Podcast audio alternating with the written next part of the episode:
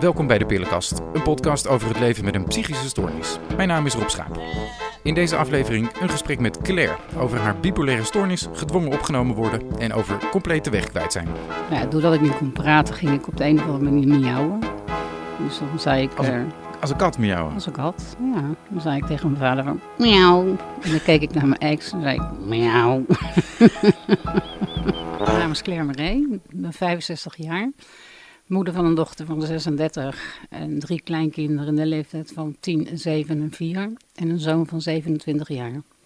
Eh, je hebt een bipolaire stoornis. Ja. Ehm, hoe lang al? Vanaf 1984. Wat gebeurde er in 1984 waardoor je merkte, hm, er is iets met mij aan de hand? Eh, na de geboorte van mijn dochter. Toen, ehm, ik denk ook dat twee dingen voor mij ook sowieso chockerend waren, omdat wij dachten dat we een, eh, een jongetje zouden krijgen. En het werd gelukkig een meisje. En ehm, mijn eh, ex-man zei op dat moment van, eh, ik mis het middenstukje. En zijn vader deed de volgende dag een eh, schepje erbovenop. Die zei van, hoe moet ik mijn moeder nu vertellen dat we geen naamopvolger hebben? En nou ja, er zijn meerdere dingen eigenlijk gebeurd. Dat ik voor het eerst ging snurken. En toen werd ik verbannen eh, naar boven. En we hadden dus een logeerkamer. En eh, ja, ik moest mijn dochter de borst geven. Dus moest ik iedere keer een trap naar beneden als zij huilde om haar de borst te geven. Dus dat waren best wel erbarmelijke omstandigheden, vond ik. Dat klinkt niet eh, als een ideale situatie voor wanneer je je eerste kind krijgt. Nee, zeer zeker niet. Eh, maar jouw bipolaire stoornis kwam toen voor het eerst eh, om de hoek kijken.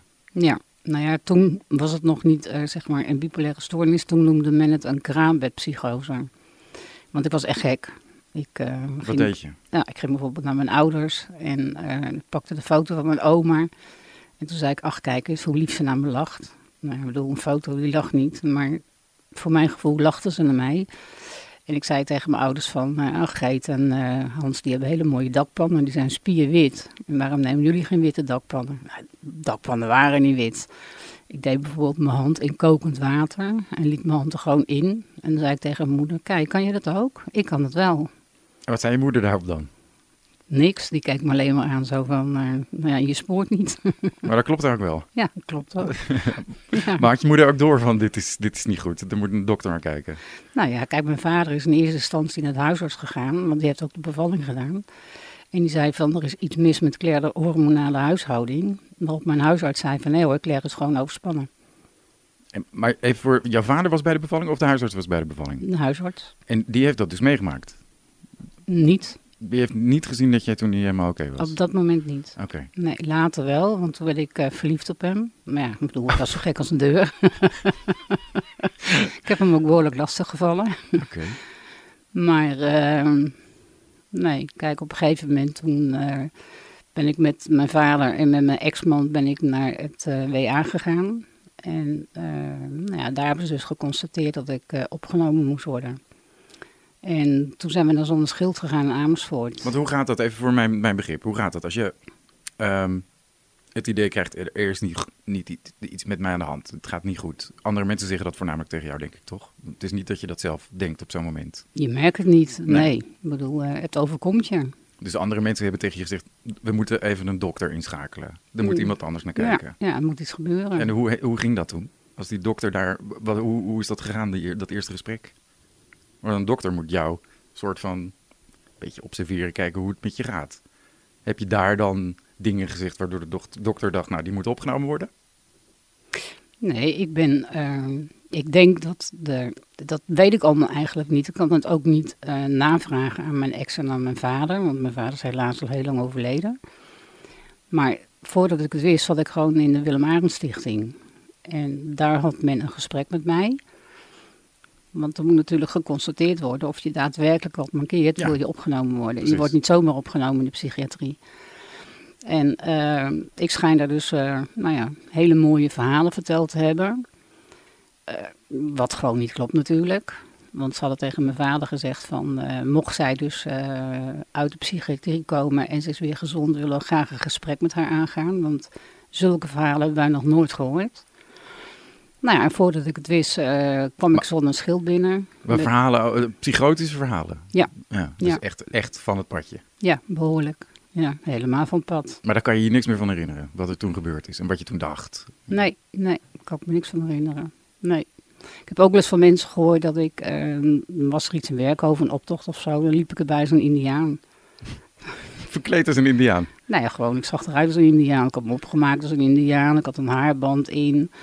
Ja, ik weet het niet. Dus toen dachten al een paar eh, mensen in het dorp van, eh, nou, er is gewoon iets niet goed met haar. Want normaal gesproken loopt ze er nooit zo bij. Ja. Kijk, dat blijkt al dat je dan, zeg maar, nou ja, je, ja, je spoort niet. Nee. Hoe het wint of keert. Eh, was er een moment waarop je dat voor het eerst merkte van jezelf? Dat je dacht, oh god, ik spoor niet. Nee, nee. In 84 niet, nee. Toen merkte ik het niet. Nee. En eh, wat ik gewoon heel, heel erg vond. Dan denk ik een beetje aan vroeger dat mensen die zeg maar niet gezond waren, die werden dan in kerkers gegooid of werden vastgebonden, die kwamen nooit meer buiten. Dat toen wij dus een zo'n schild waren, ehm, ik liep eh, de ruimte in, dat was een gesloten afdeling, ging daar met mensen praten. Nou, allemaal van die onzinverhalen natuurlijk. En mijn vader en mijn ex-man die hadden daar een gesprek met een psychiater. En ehm, ik denk dat ze gezegd hebben van neem maar geen afscheid van Claire. Dus het moment dat ze wegliepen, liep ik zacht ernaar. Huilend, zo van eh, ik wil naar mijn baby, ik wil naar mijn baby. Hoe oud was die? Die was net geboren. Net geboren, Hm. ja. En toen ben ik beetgepakt en toen hebben ze me in een isoleercel gegooid. Eerst met drie man, het lukte niet. Toen met zes man. Ik kreeg een bandje om mijn middel. En ik kon dan net bij mijn vinger bij het knopje. En, eh, want als ik dan moest plassen, zeg maar, dan moest ik op het knopje drukken. En dan eh, kreeg je de ondersteek. En, eh, probeer dan als vrouw zijn maar te plassen, dat lukt je niet. En ehm, ja, ik begrijp heden ten dagen nog niet eigenlijk waarom ze mij in een isoleercel gegooid hebben. Ik, ik zei alleen maar, of ik riep alleen maar dat ik naar mijn baby wilde, meer niet. Ik bedoel, ze hadden me op dat moment een, een depot kunnen geven, waardoor ik rustig werd. In plaats daarvan kreeg ik haldol. Nou, ik kon, van haldol kon ik eh, niet praten, niet schrijven. Wat is dat voor middel? K-middel, maar dat is een middel dat je verdooft, dus behoorlijk. ja, lam Ja. legt. En hallucineren, want ik had een krijtbord in die kamer. En dat was wel eh, nou ja, uitgewist, zeg maar, weggeveegd. Maar ik zag nog iets en ik zag iedere keer de duivel. Dus mm, ja, dan ben je behoorlijk bang. Ja. En ik heb daar ook voor het eerst eh, een hyperventilatieaanval gekregen. Ik, ik heb nooit geweten wat het was, maar ik dacht echt dat ik dood ging. Dat dacht ik echt. Maar bleek later bleek het een eh, hyperventilatieaanval te zijn. Dus ja, want je weet gewoon niet wat je overkomt. Ik bedoel, je man, je man gaat weg, je vader gaat weg, jij gaat een isoleercel in, je krijgt een band om je middel, je krijgt medicatie en vervolgens kan je helemaal niks. Ik eh, heb het nooit meegemaakt, maar ik kan me wel voorstellen dat je je daar heel alleen en eenzaam van gaat voelen. Ja, behoorlijk. En vooral omdat ik er best wel lang heb gelegen in mijn beleving. Hoe lang ben je er geweest, intern? Nou, sowieso. In, eh, nee, ik heb een IBS gekregen. Toen had je nog een IBS van zes weken. En na die zes weken heb ik mezelf ook ontslagen. Dus je bent zes weken ben je verplicht opgenomen geweest. Ja. Ja. En, en het ging langzaam beter in die... Hoe lang heb je in zo'n isoleercel gezeten? Want daar ze je op een gegeven moment uit, neem ik aan. Nou, ik denk een week of drie. Drie weken? Ja. Ja, Dat is lang. ja behoorlijk lang. En kan je daar nog iets van herinneren van die periode dat je daar zat? Ja. Ja, ik weet nog, eh, je kon eh, kiezen douchen of in bad. En stemmen in mijn hoofd die zeiden van, eh, als je jezelf nu doodmaakt, dan word je daarna, kom je terug als een betere Claire. Toen heb ik in het bad gelegen, heb ik geprobeerd mezelf te verdrinken. Nou, dat lukt natuurlijk niet. Dat lukt voor geen meter. Maar dat was ook in de instelling. Ja, En er was niemand bij bij jou in bad. er stond een man bij de deur, Oh, een bij de deur. verpleegkundige. Ja, Maar jij kon het, het, hebt geprobeerd om jezelf te verdrinken. ja, En die man heeft dat niet gemerkt. jawel. Oh, die heeft het wel gemerkt. Jawel, want toen wij aan de ontbijttafel gingen, toen zei één verpleegkundige, Claire, wil je thee of koffie? Waarop hij zei, die stond te kijken van, "Nou, nee, Claire heeft al genoeg binnengekregen. Genoeg water. Ja, Weet je, maar dat zijn heftige dingen. en ook omdat ik niet kon praten. En zo, sowieso mijn vader en mijn ex, die kwamen me, iedere avond kwamen ze mij bezoeken. En uh, nou ja, doordat ik niet kon praten, ging ik op de een of andere manier miauwen. Dus dan zei ik... Als een, uh, als een kat miauwen? Als een kat, ja. Dan zei ik tegen mijn vader van miauw. En dan keek ik naar mijn ex en zei ik miauw. ja, we lachen erom, maar het is wel heftig. Ja, heel, heel heftig. heftige dingen. Ja, en wat ik ook merkte van de haldol, je gaat lopen als een robot. En dat merkte ik later ook, zeg maar, toen ik weer uh, vrijheden had en dat ik op het terras kon zitten. Dat ik ook mensen zag lopen als een robot, dat ik dacht van ja hoor, hallo, Ja, hallo. Dat herken je dan meteen. Ja, ja, Ehm, je, jouw kind was dus net geboren toen je daar zat. ja, klopt. Heb je die gezien in de periode dat je... Eh, twee keer. Want de psychiater had met mijn eh, ex overlegd dat er ook een, een huis was. Want Zonneschild, dat vind ik een dorp op zich, want ze hebben ook een eigen kerkhof. En de psychiater die had tegen mijn eh, ex gezegd van eh, het is beter dat eh, Claire daar komt te zitten met haar baby. Want dan zijn ze bij elkaar. Wat mijn ex-man zei van nee, het gaat niet gebeuren. Geen kwijlende mensen boven mijn kind. Ja, kan ik me ook wel iets bij voorstellen. Nou, ik dus niet. Nee, de mensen die daar zitten intern. En dan je baby ertussen. Ja, nee, want ik heb de mensen meegemaakt. En tuurlijk, er lopen heel veel mensen rond die nou ja, allerlei radartjes bij los zitten. Ja, of onvoorspelbaar zijn. Nee, dat niet, anders mag je niet naar buiten. Oh, oké. Nee. Nee, want het was hetzelfde het restaurant. We hadden een restaurant en dan mocht je dan eh, twee alcoholische drankjes mocht je nemen. En eh, Theo, die ja, mocht maar schijnbaar graag op de een of andere manier. En als ik dan binnenkwam voor de derde of de vierde, dan zei hij... Hé, hey, dat is je eerste, Claire. Maar je, daar, daar heb je dus, je begint op een gegeven moment uit de isoleercel gaan, dan kom je op in een ruimte waarbij andere mensen, dus dan heb je meer vrijheden, mag je af en toe naar buiten. Nee, in het begin niet. In het begin zat ik op een gesloten afdeling. Oké, dus dan ga je vanaf de isoleercel naar de gesloten afdeling. Ja, En hoe ziet dat eruit dan? Is dat een kamer die op slot gaat, letterlijk? Waar je in moet blijven de hele dag? nou ja, we hadden ook een tuin. Oké, dus je kon wel nog naar buiten toe. De tuin in, De maar tuin. meer ook niet. En dan heb je contact met mensen die er ook zitten. Ja. Dat Ja. mag wel. Ja. En hoe is dat?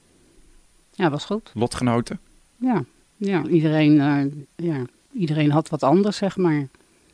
Kijk, dat voor mij noemden ze destijds een kraambedpsychose. Maar dat had ik gewoon niet. Wanneer kwam je erachter dat het dan iets anders was dan?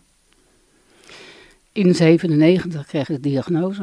Oh, dat is dus echt veel later. Ja. Dus al die tijd heb jij gewoon gedacht, ik heb niet een bipolaire stoornis. Ik heb toen in 84 een keer een psychose gehad en that's it. Ja, klopt. En tot in de tien jaar dat dat duurde, heb je niet iets nog meegemaakt waarvan je dacht, oh, dit is ook niet helemaal goed. Nee, in 1985, toen kreeg ik het weer. Maar toen voelde ik het zelf aankomen. Kijk, de eerste keer overkomt het je. En de tweede keer, toen dacht ik van, hé, hey, deze signalen, die had ik toen. Maar dat was geen tweede kraambedpsychose. Nee, maar men zei in het AZU, eh, dat is een staartje van 1984. Ik denk omdat men gewoon toen nog niet wist over het hele hoe en wat. Ja, er is veel meer bekend over geworden natuurlijk. Ja. De laatste, nou ja, 10, 20 jaar. En toen je die diagnose kreeg, dat was dus in 1994. 97. Of 97, sorry. 13 jaar later. En toen is er voor het eerst tegen jou gezegd, Claire, je bent bipolair. Nou, bipolair noemde men het toen nog niet. Dat moet je nu zeggen. Manisch depressief. Psychotisch, manisch, depressief was ik. Ja, dus de sticker had ik. En eh, je, hoe kwam je toen in 97 bij de dokter dan? Eh, omdat het weer niet echt helemaal goed met me ging. Wat gebeurde er? Wat, wat, want ik bedoel, ik, eh, ik kan me voorstellen dat iedereen heeft wel eens een keer dat het wat minder gaat natuurlijk. Wat maakt dat dat je nu naar de dokter gaat en dat de dokter zegt, ja maar Claire, je hebt een bipolaire stoornis. Nee, ik. In 85 dat ik eh, werd opgenomen in het eh AZU. Toen heb ik daar best wel lang gelopen. En toen op een gegeven moment toen ging het weer mis met me. Toen gingen we op vakantie. En toen merkte ik weer. Geen, ik had toen geen psychose trouwens, maar wel dat ik manisch was. Heel erg druk en geld uitgeven. En eh, altijd vrolijk. En toen ben ik weer naar het ASU toe gegaan. En heb ik gesprekken gehad met diverse mensen. Dus er zullen psychiaters bij gezeten hebben, psychologen, ik weet het allemaal niet. Nou ja, en toen kreeg ik eh, de diagnose dus dat ik eh, psychotisch, manisch, depressief was. Wat men nu noemt bipolair. En hoe, hoe viel dat? Dat is namelijk best de boodschap die je dan krijgt. Vreselijk. Ik weet nog dat ik bij mijn moeder kwam huilend. Dat ik zei van nou, ik zeg, eh, ik weet nu wat ik heb. Ik zeg, en, eh, ik heb een sticker op mijn voorhoofd en alsjeblieft vertel het tegen niemand, want ook tegen niemand verder.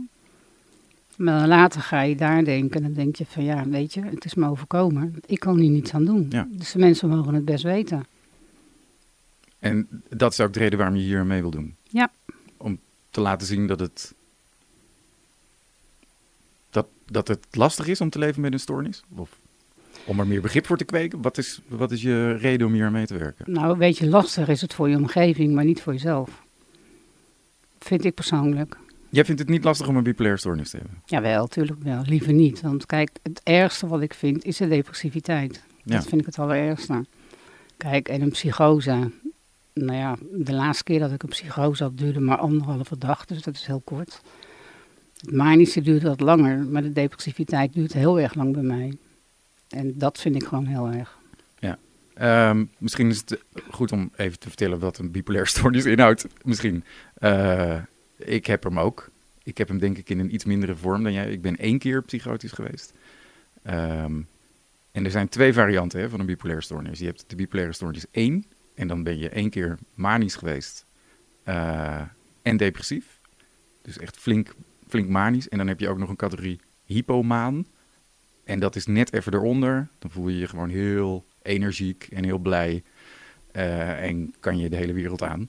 Maar loopt het niet echt de spuigaten uit. En ben je af en toe depressief. En dan heb je, dat is dan de bipolaire 2 stoornis. En wij hebben allebei de 1, hè? Dus Ja. met de woehoe, psychoses erbij. Ja, Fijn. de hele cocktail. Ja, en ehm, ben je toen ook in 97 voor het eerst medicatie toen daarvoor gaan gebruiken? Of heeft dat nog even geduurd? Want dat is ook iets, hè? Dat, is, eh, dat zijn allemaal zware middelen waar je aan moet. Ja, want eh, zeg maar de opname in 1985 in het AZU, toen ik het zelf aanvoelde komen. ehm, ik weet niet wat voor medicatie ik daar heb gehad, weet ik begot niet. En later weet ik wel, zeg maar, eh, toen ik daar bleef lopen, dat ik ieder jaar een andere arts, psychiater had. Toen hebben ze me lithium voorgeschreven. En dat heb ik best wel een tijdje gebruikt. De hoeveelheid milligram weet ik niet meer. Ik weet wel dat ik ook een, eh, een lithiumvergiftiging heb gehad. Dat ze me belden op mijn werk en dat ze zeiden van, jij leef je nog? Ja, anders krijg je me niet aan de telefoon, dacht ik nog.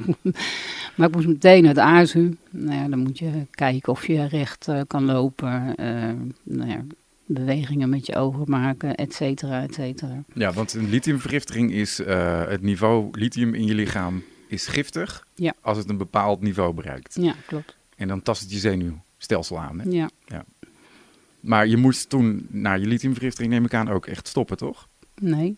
Je mocht dat door blijven slikken toen? Nee, maar minder. hè. Oh, minderen. Ja, nee, het was eh, zoveel dagen eh, moet je dan stoppen. En dan zoveel dagen ga je een bepaalde hoeveelheid eh, gebruiken. En dan na zoveel dagen, dan wordt het weer iets verhoogd. En dan iedere keer bloed prikken, bloed prikken, bloed Ja. prikken, om te kijken of je spiegel goed is. En als dan je spiegel goed is, ja, dan is het prima. Ja, dan, maar ik had zoiets van, eh, bekijk het maar met je zooi. Toen heb je, van, heb je besloten, ik wil het niet meer? Ja. Oké. En hoe ging dat dan? Want je hebt het op zich wel nodig. Nee, het ging hartstikke goed met me. Ja? Ja. Zolang je maar geen triggers hebt, dan gaat het goed. En hoe lang heb je toen geen medicatie gebruikt? Negen jaar niet. Negen jaar niet. En het is eh, negen jaar lang gewoon goed gegaan met je toen. Ja. En wat heeft toen ervoor gezorgd? Want je nu slik je wel weer. Dus als we het even terugpakken naar nu. Je bent nu, wat slik je nu? 600 milligram lithium, 25 milligram eh, iets voor mijn schildklier, euta, nog wat. Ehm, ik ben het nu aan het afbouwen, maar ik gebruikte voorheen 4 milligram clonazepam, maar de pam daar wil ik vanaf. En 600 milligram lithium. Maar de keratine, daar wil ik ook mee stoppen. Dus dan blijft de lithium over. En de promethazine om in slaap te komen. Ja. En hoe eh denken jouw artsen daarover? Die vinden dat prima. Ja, die vinden het prima dat je ermee stopt. Ja. Omdat je al een tijd stabiel bent. Ja. Oké. Ja. Eh, ga je dat ook doen? Ja, Of is het een plan? Ja? ja. Wanneer? ik ben al bezig. Je bent al bezig. Je bent aan het stoppen. Ja, Oké. ja. Interessant. En hoe gaat dat? Prima. Ja? Gaat prima. bedoel, die keratine, die 25 milligram, ja, dat stelt niks voor. Want voorheen gebruikte ik 300.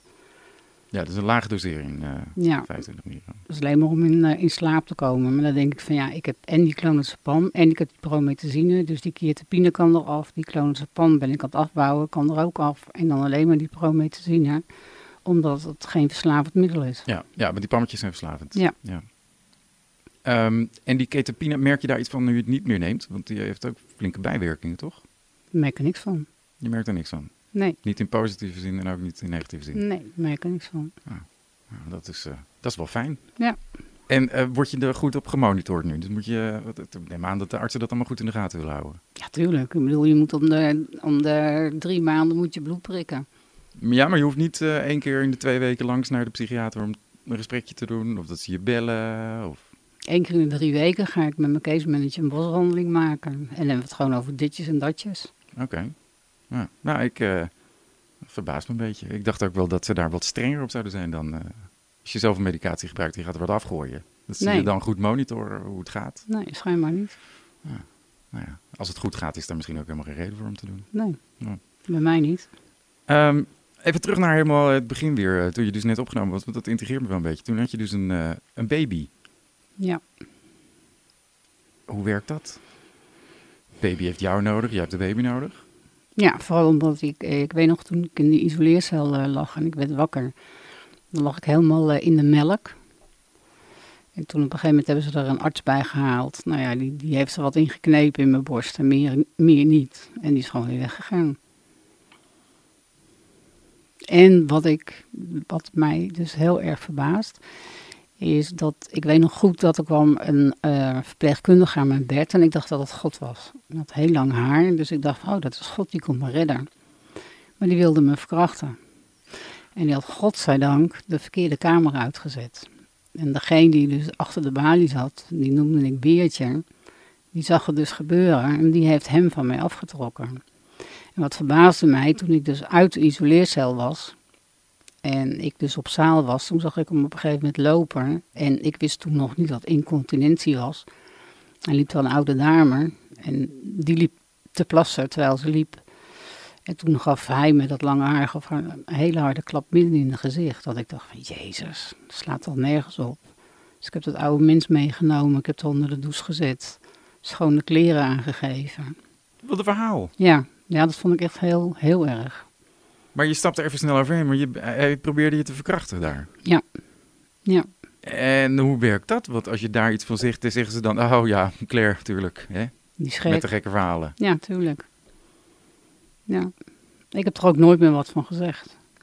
Helemaal niks. En waar, omdat je denkt dat je dan niet geloofd wordt. Ja, natuurlijk. Ik ben gek, niet zij.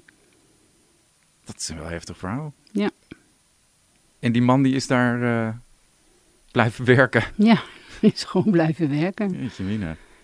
Ja, dat is wel een beetje misbruik maken van je positie, van je machtspositie. eh. Ja. ja, maar er gebeurden daar gewoon hele rare dingen, vond ik tenminste. Want er waren le- eh, twee lesbische meisjes die waren verliefd op mij. En eh, toen ik zeg maar op, de, op open was, deelde ik een kamer met een heel jong meisje. En toen vertelde dat ene, dat was een Indisch meisje, die eh, lesbienne, die vertelde dus van, ja, we hebben de hele nacht hebben aan je bed gezeten, maar naar je gekeken, naar je gekeken. Dat ik dacht van, nou, weet je, dit slaat nergens op. Heb je niet eh, heel erg sterk de neiging gehad om te denken, ik moet hier weg? Als je dat soort ervaringen hebt. Ja, natuurlijk. Dat denk je nou ook. Kijk, het is hetzelfde, ook zo'n bizar verhaal. De messen worden geteld. Hè, dat niemand zeg maar Ja. een mes mee kan nemen. Maar ik heb er 23 geknipt. En ik was bij de 24 als ik bezig. Haar geknipt. Haar geknipt. Bij andere patiënten. Ja, ja. En ik was bij de 24 bezig en toen werd mijn koppenschaar afgepakt. en eh, nou ja, toen moest ik die vrouw eh, afmaken met een gewone schaar, de haren. Ja, dat vond ik best wel tricky, dat ik dacht van, oh god, hè, als dat maar goed gaat.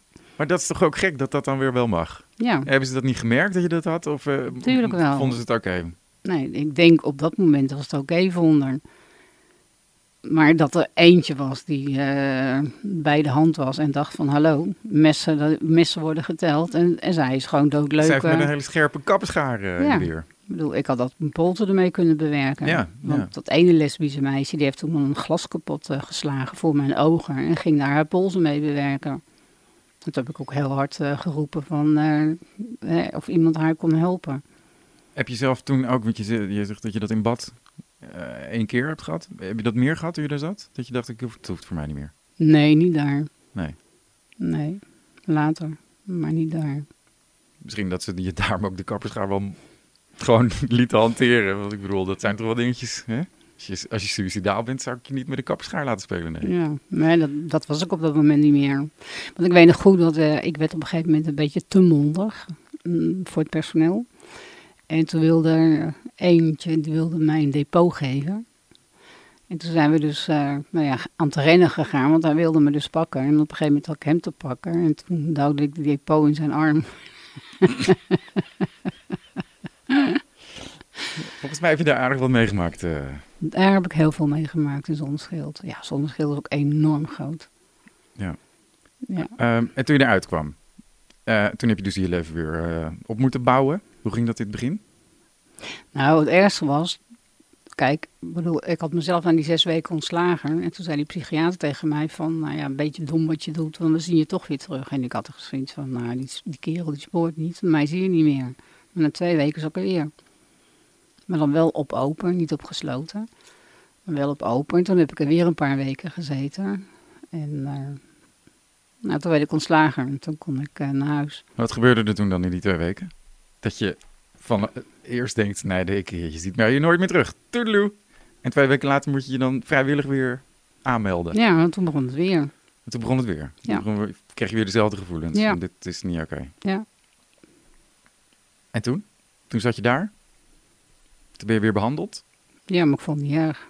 Toen vond je het niet erg om daar te zitten. Nee. Nee. Want ik kan me voorstellen, als je daar zo gezeten hebt en je vervelende ervaringen hebt gehad, dat je denkt, ik ben er nu uit. Ik hoef daar nooit meer naartoe. Maar toen werd het dus zo erg dat je na twee weken dacht, oké, nou maakt niet uit, ik moet toch terug. Ja, ik moest ook terug. Ik bedoel, ik spoorde weer niet. Dus ik moest terug. Hoe je het went of keert, maar ik moest echt terug. En ehm, toen je daar dan zat, die tweede keer, is dat dan anders dan die eerste keer? Omdat je dan misschien niet denkt, ik moet weg, maar ik moet gewoon eerst beter worden. Ja, het was sowieso anders, omdat ik ook andere medicatie gebruikte. Wat eigenlijk in, in principe ook niet hielp. Want anders dan eh, was ik na die twee weken, zeg maar, was ik weer niet teruggegaan. Dan had ik gewoon Nee. thuis gezeten. Dus de medicatie was ook niet goed. Dus toen ben ik weer ingesteld op andere medicatie. En toen ging het in rap tempo, ging het, eh, nou ja, vrijwel heel snel ging het goed met me. En toen mocht je er weer uit. Toen en weer toen mocht ik er weer uit, ja. En ben je er toen wel een tijdje weer vandaag gebleven of moest je na twee weken weer terug? Nee, dat niet. nee. nee. Nee, in 85. Toen, eh, toen ik dus te horen kreeg dat mijn vader nog maar drie maanden te leven had. Toen was ik in Utrecht en toen voelde ik het zelf aankomen. Wat voel je dan? Nou ja, ik werd weer eh, psychotisch. Ik kreeg weer waanideeën. Ik had echt zoiets van, nou... Maar als, eh, neem eens mij terug naar die dag. Dan ben je in Utrecht, Ja, in de stad. Was je aan het winkelen? ja, ik liep op de Lapjesmarkt met een... eh, Toen was er niks aan de hand. Je ging gewoon naar de markt. ja, niks aan de hand. En toen? Nou, toen merkte ik dus weer dat ik alles weer in een rap tempo wilde doen. En normaal, ik bedoel, eh, kan je rustig overal naar kijken, maar op dat moment niet. Dus ik was weer zo'n vliegende Hollander. Voel je je gejaagd? Ja, en ik zag weer dingen dat ik dacht van, hé, hey, weet je, dit klopt gewoon niet. Dit, dit klopt echt niet. Nou, toen heb ik mijn moeder gebeld, zo van, eh, ik moet opgenomen worden, want het gaat weer, eh, weer de slechte kant bij mij op. Nou, en inderdaad, toen eh weer naar de WA, weer een gesprek. Ja, en toen ben ik terechtgekomen in het ASU-psychiatrie. Eh, heb je ook goede ervaringen gehad met hulpverleners? Want ik, ik hoorde er net een hele slechte. Maar heb je ook iemand gehad die, waar je echt aan gehad hebt? Ja, tuurlijk. Er zijn ook goede hulpverleners. Waaronder die, de persoon, zeg maar, die, eh, die die vent van me aftrok met dat lange haar. Dat was gewoon een hele goeie. De, iemand heeft dat gezien. Ja, En die heeft daar zelf ook geen melding van gemaakt van... joh, Nee. mijn collega heeft dit net gedaan bij een... eh, Nee, ik, ik zei al, hij had met zijn stomme kop had hij de verkeerde camera uitgezet. Want ik heb het later heb ik het wel met Beertje, zo noemde ik hem, heb ik het er met hem erover gehad van hoe constateerde jij nou dat hij met mij eh, bezig was? En toen zei hij ook van, eh, had de verkeerde camera uitgezet. Dus jouw camera stond gewoon aan. Het is toch waanzin dat die man dan niet gewoon ontslagen is? Ja, Ook door zijn collega's niet soort van terecht is geweest. ja. Hm. Het zullen wel goede vrienden geweest zijn, denk ik. Ja, of collega's die natuurlijk ja, een beetje voor elkaar opkomen. Als dat, Ja. eh, het lijkt bijna als iets hoort of het vaker gebeurt. Nou ja, binnen de psychiatrie heb ik best wel in 1984 best wel veel dingen gehoord hoor. Ik weet nog goed, toen was zo'n vieze, echt zo'n ASO-vrouw werd er binnengebracht met een neef. Nou, die neef die stond continu naar me te kijken en dan zat hij eh, aan zijn zaken. Echt waar. dat ik dacht, wegwezen hier. En later hoorde ik van, te- zij heette Marie, zij werd dus eh, opgenomen. En ehm, later hoorde ik van een knul van 4,35 geloof ik dat hij was. Dat hij zei van, ja Marie heeft me de bosjes ingetrokken en ik heb geneukt met Marie. Hoe moet ik dat nou tegen mijn vrouw vertellen? En hij huilde als een klein kind. En toen zei ik van, als je heel wijs bent, dan zeg je dit niet tegen je vrouw, maar blijf bij haar uit de buurt. Ja. Zei, dat is het enige wat ik kan zeggen tegen je. Volgens mij hebben we nou een erg aparte sfeer op zo'n afdeling. Wel, Ik hoor ook namelijk wel vaak dat het ook heel gezellig is. En dat komt natuurlijk ook omdat mensen natuurlijk een beetje manisch zijn. eh, en dat alles dan, dan leuk en gezellig is. Het is ook gezellig. Ik bedoel, Maar er gebeuren eh, een hoop vervelende dingen als ik het zo hoor. Ja, ik heb heel veel meegemaakt. Een voorbeeld. Twee gasten, echte maaisklanten. Die zaten daar dus ook, maar die zaten daar maar voor heel kort. Want dan konden ze daarna zeg maar de, de, de in. De gevangenis in. En eh, die ene jongen, die had een trauma opgelopen van thuis uit. Want zijn ouders, die waren ge- mm, niet gereformeerd, hoe noem je dat nou? Orthodox, Jehovah. Jehovah. Ja. En er was een vrouw binnengekomen bij ons en die had een heel groot boek bij zich van Jehovah. En die zat daar ergens, ik, ik weet niet meer waar. En toen kwamen die twee gasten eraan en die ene jongen die begon te flippen. En die ging heel erg tegen haar tekeer. En toen zei hij, je moet dat boek in je kut douwen. En dat deed ze. maar ze was ongesteld. Dus dat boek zat ook nog met bloed. ja, je maakt er heel veel mee, echt. Ik kan een boek schrijven. Ja, misschien moet je dat eens doen. Ik denk dat het wel interessant is. Ben ik al jaren van plan. Komt er alleen niet van. Nee, waarom niet? Ja, Geen tijd voor. Ja, tijd wel. Daar kan je tijd voor maken. Ik ben ooit begonnen met eh, schrijven. Dat ik dacht van, eh, net als eh, Harry Mulisch, ik ga ook schrijven. Toen je manisch was. Nee, nee, het Oh, was ik niet? gezond. Nee, het was ik gezond. Ik ben de volgende Harry Mulisch. Nee, als je dan zeg maar geen, geen werk meer hebt, dan heb je tijd zat. En toen had ik hele grote schriften gekocht. Maar ik ben mijn stomme kop met een potlood gaan schrijven. En die liggen al jaren boven. En als je een bladzijde openslaat, kan je bijna niks meer lezen. ja. Nee, had Zonde. ik echt met een pen moeten doen. Ja. Ja. Maar het verhaal zit nog wel goed in je. Dus ik denk, eh, ik zou het gewoon weer proberen als ik jou was. Ja, Het is een interessant verhaal. Ehm, laten we een beetje teruggaan naar nu, want eh, daar zitten we nu. Ehm, je bent dus je medicatie nu aan het afbouwen. ja, Eh, en je hebt drie keer, of één keer, nee, om de drie weken contact met een, eh, met een case manager, heet dat hè? Mensen die, waar je een beetje de problemen mee bespreekt. ja. Eh, gaat dat nou, hoe, hoe lang gaat dat nou al goed? Hoe lang ben je nou al stabiel, zeg maar, op deze manier? Dus af en toe een gesprekje, een beetje medicatie. Nou, ik ben negen jaar stabiel. En in die negen jaar heb je dus ook verder helemaal niets meer meegemaakt. Nee, Het lijkt mij heel moeilijk om dan continu die medicatie te blijven slikken. Als je er zoveel bijwerkingen ook. Heb je, er- heb je er veel last van? Ik, ik zeg het omdat ik er namelijk wel behoorlijk wat last van had altijd. En bij mij was dat ook een van de redenen waarom ik dacht, ik moet hier eigenlijk gewoon maar, als het zo, zo snel dat het kan, mee stoppen. Eh, want dit is niet zo goed voor me. nee, dat klopt. Ik bedoel, eh, ik ben anti-lithium. Dat is het enige middel wat mij, eh, zeg maar, overeind helpt. Maar ja, mijn schildklier is wel naar de kloten.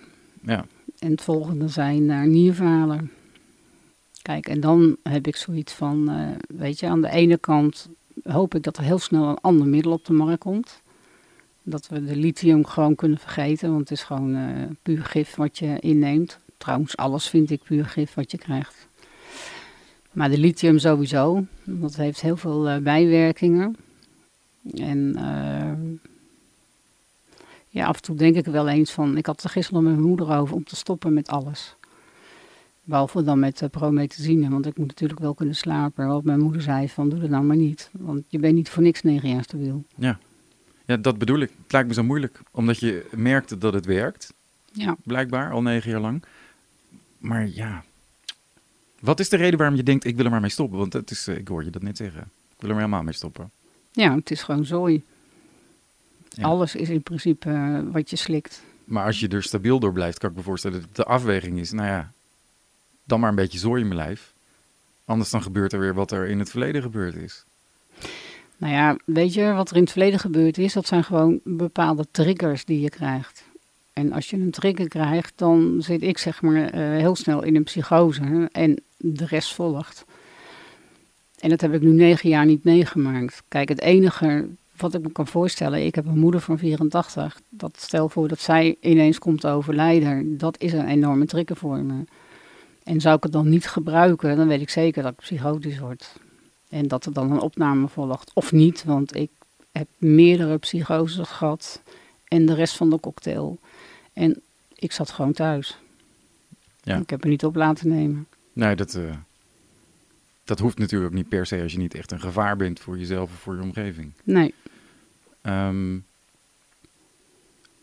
dus wat zijn dan een beetje de, de, triggers die je kent van jezelf? Ja, en natuurlijk hele heftige gebeurtenissen, zoals het overlijden van iemand die heel dierbaar is, dat is natuurlijk een trigger. Maar zijn er ook dingen waarvan je weet, oh ja, als ik bijvoorbeeld zo'n interview als dit, raak je hierdoor verslag als je dan nee, vanmiddag thuis bent? Of? Nee, totaal niet. Nee? Nee. nee. Dus het zijn voor jou echt de hele heftige, grote gebeurtenissen die je van slag brengen? Ja. Hoe, hoe, hoe zou je jezelf uh, uh, omschrijven als het gaat om uh, jouw persoonlijkheid? Ben je een vrolijk iemand? Ben je een beetje teruggetrokken iemand? Je zei het net eigenlijk al. Je was altijd een beetje vrolijke Claire. Een behoorlijke vrolijke Claire, ja. Ik ben nog wel vrolijk, zo is het niet. Hoe zouden andere mensen jou nu omschrijven? Bijvoorbeeld je ouders. Hoe zou ja, je moeder jou omschrijven? Ik denk lief, zachtaardig. Ja, gewoon een goed persoon. Ja? Ja. Kijk, en ik ben niet altijd vrolijk. Dat is één ding wat zeer zeker is. Ik bedoel, ik heb te handelen met een zoon van 27. En uh, dat is best wel moeilijk als hij nog bij je thuis woont. En dan ben ik niet echt altijd de vrolijke Claire. Dan trek ik ook mijn scheur open, dat ik heel boos ben. En, en ben je dan, is dat iets wat je, vind je dat onredelijk van jezelf? Wijd je dat aan de stoornis of is dat, uh, zit dat nou, in jou? Ik vind het wel in die zin onredelijk. Kijk, dat ik tekeer ga vind ik niet onredelijk, maar het hoeft niet met stemverving. En daar baal ik van dat ik dat wel doe. En denk je dat dat door de stoornis komt? Daar wil ik de stoornis niet de schuld op geven. Nee, ik denk toch wel een stukje karakter. Snel ontvlambaar, ja. weet je. Ja. ja. Um, ik wilde het ook nog even met je hebben over um, hoe, de, hoe het is voor een omgeving uh, zeg maar, om een bipolaire stoornis, iemand te hebben met een bipolaire stoornis in je omgeving. Uh, ik denk dat dat voor uh, mensen om je heen erg lastig kan zijn. Ja, dat niet alleen. Ik bedoel, uh, niet alleen lastig, maar ook niet begrijpend en nog steeds niet. Ja, waar, bedoel... wat denk je, wat zou goed zijn voor mensen om te weten als ze iemand hebben met een bipolaire stoornis in hun vriendenkring? Waar, waar moet je op letten? Nou ja, kijk, bij mij begrijpen ze het meteen dat ze dan zeggen van uh, je wordt weer heel erg druk. Ja, maar... Het gaat niet goed met je. Is dat iets waar ze uh, een probleem mee hebben of denken ze gewoon dat is Claire? Daar hebben ze geen probleem mee, want mijn zus die zegt nog steeds van zolang je nog gezellig bent is er niks met je aan de hand. Maar zodra je dan echt een kring begint te worden, dan uh, gaan de bellen rinkelen en dan is het tijd voor opname. Ja. Want ik noem mezelf gewoon ieder jaar hypo. En hypo bestaat niet alleen hypomaan bestaat, maar ik heb het over hypo. Dat ik gewoon, uh, ja, zodra de blaadjes uh, komen, dan word ik wat drukker. En zodra de blaadjes vallen, dan ben ik wat rustiger. Ja, het heet alleen niet hypo, hè? Mag, als je bipolaire stoornis 1 hebt, dan mag je dat niet hypo meer noemen. Dan ben je gewoon lichtmanisch, toch? Nou ja, lichtmanisch kan ik het ook niet noemen. Ik noem het gewoon hypo. Je bent gewoon een beetje drukker dan normaal, drukker. wat energieker. Ja. en dat heeft ook alles met seizoenen te maken. Ja. Dat is denk ik een heel bekend fenomeen. Hoe zien je depressies eruit? Zwaar, heel zwaar. Wat doe je dan overdag? Niks. Ik doe wat ik wel altijd gedaan heb. Ik heb wel altijd mijn huis gedaan, mijn kinderen verzorgd, eten klaargemaakt. Maar verder voor de rest de hele dag op de bank liggen, lusteloos. En maar naar die kutklok kijken wanneer ik mijn zoon van school moest halen. En s'avonds tegen mijn ex zeggen van ik voel me niet lekker. Dat ik maar op bed kan liggen. Gewoon dat ik niet hoef te praten. Dat ik alleen maar kan liggen. Want depressie, dat vind ik persoonlijk gewoon het ergste wat er is. Eh, ook dat ik suicidaal ben geweest. En dat dat gelukkig niet gelukt is, want dan had ik nu hier niet gezeten. Nee. Maar Wanneer, wanneer was dat? Wanneer was je suicidaal? nou, het jaar zelf, dat weet ik nu even niet. Ik weet wel dat ik ehm, s'morgens altijd vroeg eh, met de bus naar mijn werk ging. En eh, het OM zat toen bij eh Galgenwaard. En toen ben ik naar het stadion verlegd gegaan. Toen heb ik alle belletjes ingedrukt. En toen ben ik naar boven gegaan. En toen had ik net één been had ik over de reling. En toen wilde ik mijn andere been over de reling doen. En toen werd ik ineens beetgepakt door een man. Die op dat moment de deur uitkwam om naar zijn werk te gaan. En die stond helemaal te shaken. En toen zei hij nog, wat ben je aan het doen, wat ben je aan het doen? Toen dacht ik nog door mijn lul. Je ziet toch wat ik aan het doen ben. nou ja, die heeft me toen naar mijn werk gebracht. En toen dacht ik van, nou ja, mislukt. Je heeft je naar je werk gebracht. Je bent niet naar huis gegaan en dacht, ah, ik moet even Nee. herstellen. Nee, inprikken die klok en gewoon weer werken. Ja, want ik had het er van de week nog met mijn moeder over. Zo van, als ik depressief was, was ik gewoon op mijn werk. En ergens ben je dom bezig. Want, Maar ik snap daar toch niet zo heel veel van, Claire. Want als je 's ochtends, eh, neem aan dat je dan 's ochtends gewoon van huis gaat met het idee, dit is het, ik ben er klaar mee. Ik spring Ja. van een hoog gebouw af. Ja. Of was je wel op weg naar je werk en kwam dat tussendoor? nee, Je was echt van plan, eh, ik ga de deur uit en nu is het klaar. Ja. Maar hoe kom je dan weer op je werk aan als je dat net hebt meegemaakt? Dan Ja. moet je net doen alsof er niks aan de hand is. Of heb Ja. je het verteld tegen mensen? Nee, nee, dus je hebt gewoon, niet. binnen, ah, goedemorgen. Nee, dat heb ik tegen niemand verteld, pas later. Want Hoe heb- werkt dat? ik- Ik, ik probeer te, te snappen hoe dat, hoe dat gaat, hoe dat in je hoofd werkt. Als je er zo klaar mee bent dat je denkt, ik spring van een hoog gebouw af. En iemand houdt je tegen en die zegt, Claire, wat ben je aan het doen? Of je kent, kent je natuurlijk kende niet, dus die niet. zegt gewoon, mevrouw, wat bent u aan het doen? En die, die zegt, ja, ja, ik weet het ook niet zo goed. eh. En vervolgens zegt hij, maar oké, kom, waar werk je? Breng je er even heen. Nou ja, ik zei wel tegen hem van, eh, toen hij zei van, eh, wat ben je aan het doen? Dat ik dacht, domme lul, dat zie je toch? Ik heb ik wel gezegd van, ja, ik wilde springen. Ja. Nou ja, die, kijk, dat die man zich rot schrikt, snap ik. Maar dat jij vervolgens gewoon naar je werk gaat, dat snap ik niet zo goed. Ja, jij moet ik thuis doen. Dan had ik het thuis misschien op een andere manier geprobeerd. Had ik beter naar mijn werk kunnen gaan. Maar voelde je op dat moment je gered? Dacht je, oh, oh gelukkig, er is iemand die me tegenhoudt. Nee, totaal niet. Nee, ik wilde echt dood. Echt dood. Ehm, maar dan zit je op je werk met diezelfde wens nog in je hoofd. Ja. Hoe werkt dat? Hoe gaat dat? Ik snap dat niet. Nou, op een gegeven moment had ik eh, tegen die, eh, die meidengroep gezegd van ik ga een stukje wandelen. Ik denk verderop de Koningsweg, daar eh, rijden treinen. En dan ga ik nog voor de trein. Dezelfde dag. Ja. En toen zei Hanny, een collega van mij, van, oh gezellig Claire, loop met je mee. Dus dat ging ook niet door. Nee, ging ook niet door. Nee, Maar die mensen ben je dan ergens wel dankbaar nu, denk ik. Als die er niet geweest waren. nou ik kan niet echt zeggen dankbaar, dat niet. Nee. Nee, waarom dankbaar? Kijk, Omdat als zij er niet geweest waren, jij er ook niet meer was geweest. nee, nou De ja. kans is groot. Ja, oké. Dan was ik er inderdaad niet geweest, maar dat had me niks. eh, nee. Had je niet gemerkt, wou je zeggen. Nee, ik heb Nee. zoiets van. eh, er is meer tussen hemel en aarde. En de verhalen die ik vaak lees van mensen die zeg maar uit hun lichaam treden. Ik ken een persoon zelf die uit zijn lichaam is eh, getreden.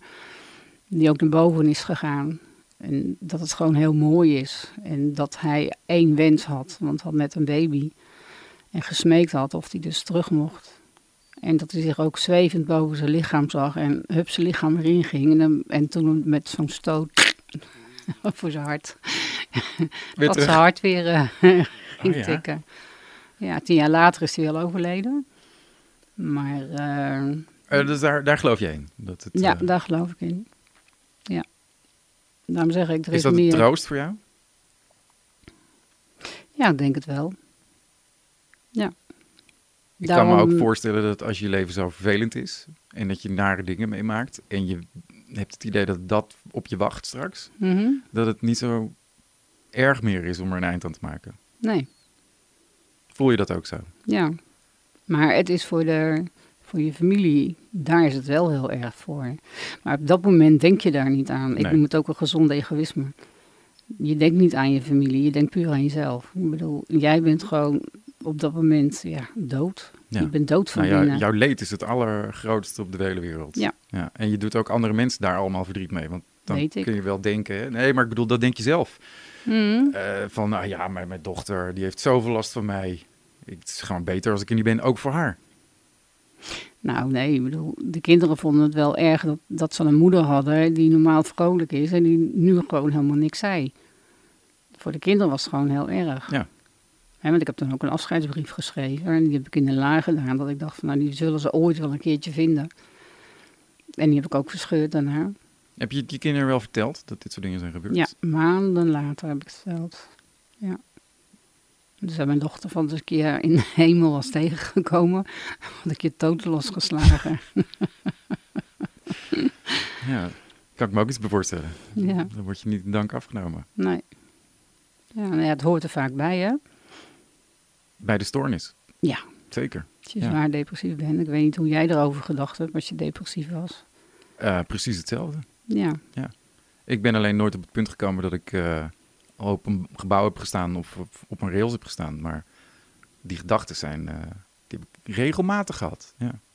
En ik weet dus ook dat dat totaal niet uitmaakt of er mensen zijn die tegen je zeggen... Ja, maar ik hou van jou en je moet, er, je moet, er, je moet hier blijven en we hebben je nodig. Als je je zo depressief voelt, dan maakt dat allemaal eh, vrij weinig uit. ja klopt. Ehm, ben je de stoornis ook ergens een beetje dankbaar? Er zijn mensen die denken: ik wil namelijk niet dat dit overgaat. Ik wil die manische periodes houden. Die doen me goed. Ja, maar dan heb je het alleen maar over de manische periodes. Maar wat daarna komt, dat is het erger. Dus ik heb zoiets van, eh, nee, voor mij niet. Ik weet dat manisch gewoon, dat het heerlijk is. Ehm, het jammere van het manische vind ik persoonlijk dat je dus je, je bent bankroet. Want je geeft al je geld geef je uit. Je koopt de stomste, de mafste dingen die koop je. En ehm, ik weet, het manisch is een heerlijk gevoel. Zeer zeker als je ook een partner hebt. Ik bedoel, je bent dan zo, zo horny als de pest. ik zal het maar netjes zeggen. maar nee, nee, ik moet er niet aan denken. Nee, het hoeft voor mij niet. Ik bedoel, dan word je weer eerst psychotisch, ik dan. En dan word je weer manisch en daarna weer depressief. Nee, ik moet er niet aan denken. Ik, ik weet, er zijn heel veel eh, mensen die eh, nu want dit is de tijd van het jaar die manisch zijn. Mhm. En die zoiets hebben van, oh heerlijk. En dan denk ik van ja, maar dat zijn mensen die geen depressiviteit daarna krijgen. Die worden niet depressief. Dus dan kan ik, kijk, zou ik niet depressief worden? Oh, mag ik best manisch worden? Ja, toch? Ja, tuurlijk. Heerlijk. Kan niet anders zeggen. Het is niet een heel vervelend gevoel. Helemaal Alle niet. stoplichten staan op groen. Ja, Nou, het is een heerlijk op de radio gevoel. is heerlijk. Ja, alles. Alles. Alles vind je leuk, alles vind je fijn, Iedereen, alles vind iedereen je mooi. vind je leuk, iedereen vindt Ja. je aardig. Ja, Ja. klopt. Ja, alleen dan zit er de keerzijde aan. En dat Ja. is dan die depressie, ja. Ja. ja.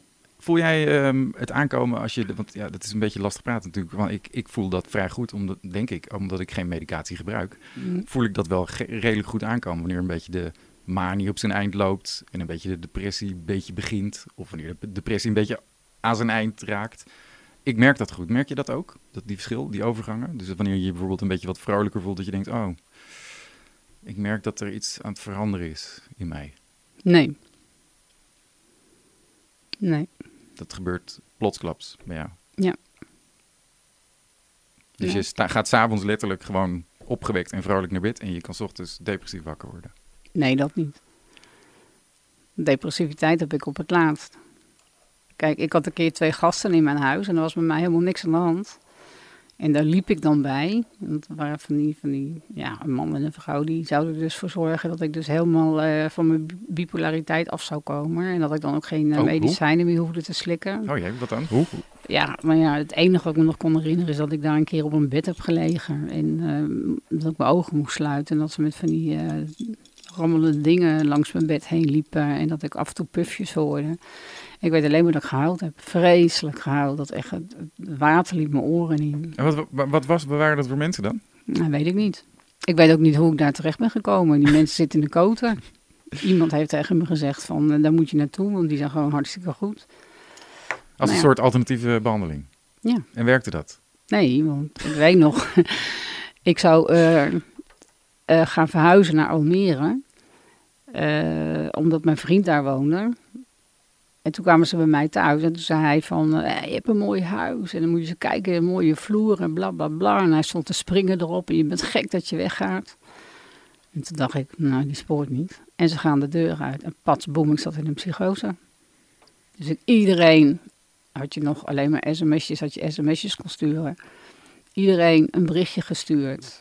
En ik zie mijn ex-schoonzoon nog binnenlopen. Want ik had ook alle rolgordijnen naar beneden gedaan, dat doe ik nooit. Dus mijn dochter zei van, ga jij maar kijken, want volgens mij heeft ze zelfmoord gepleegd. Dus hij ging kijken en hij kwam binnen en hij ziet daar gewoon een rustige zitten. Maar wel een Claire die zo gek was als een deur. En toen kwam mijn dochter later en die had met de stompik op mijn moeder opgehaald. En mijn zoon die was erbij en eh, zijn ouders. En later kwam Bart kwam. En toen ging ik dus vertellen van, eh, we gaan zo meteen eh, naar Venus met z'n allen. En dan komt een hele grote schotel in de tuin. Waarop mijn moeder zei heel nuchter, met, zit er ook een trapje aan, Claire? en meteen zei ze erachteraan, Denise breng me naar huis, want die onzin die wil ik niet horen.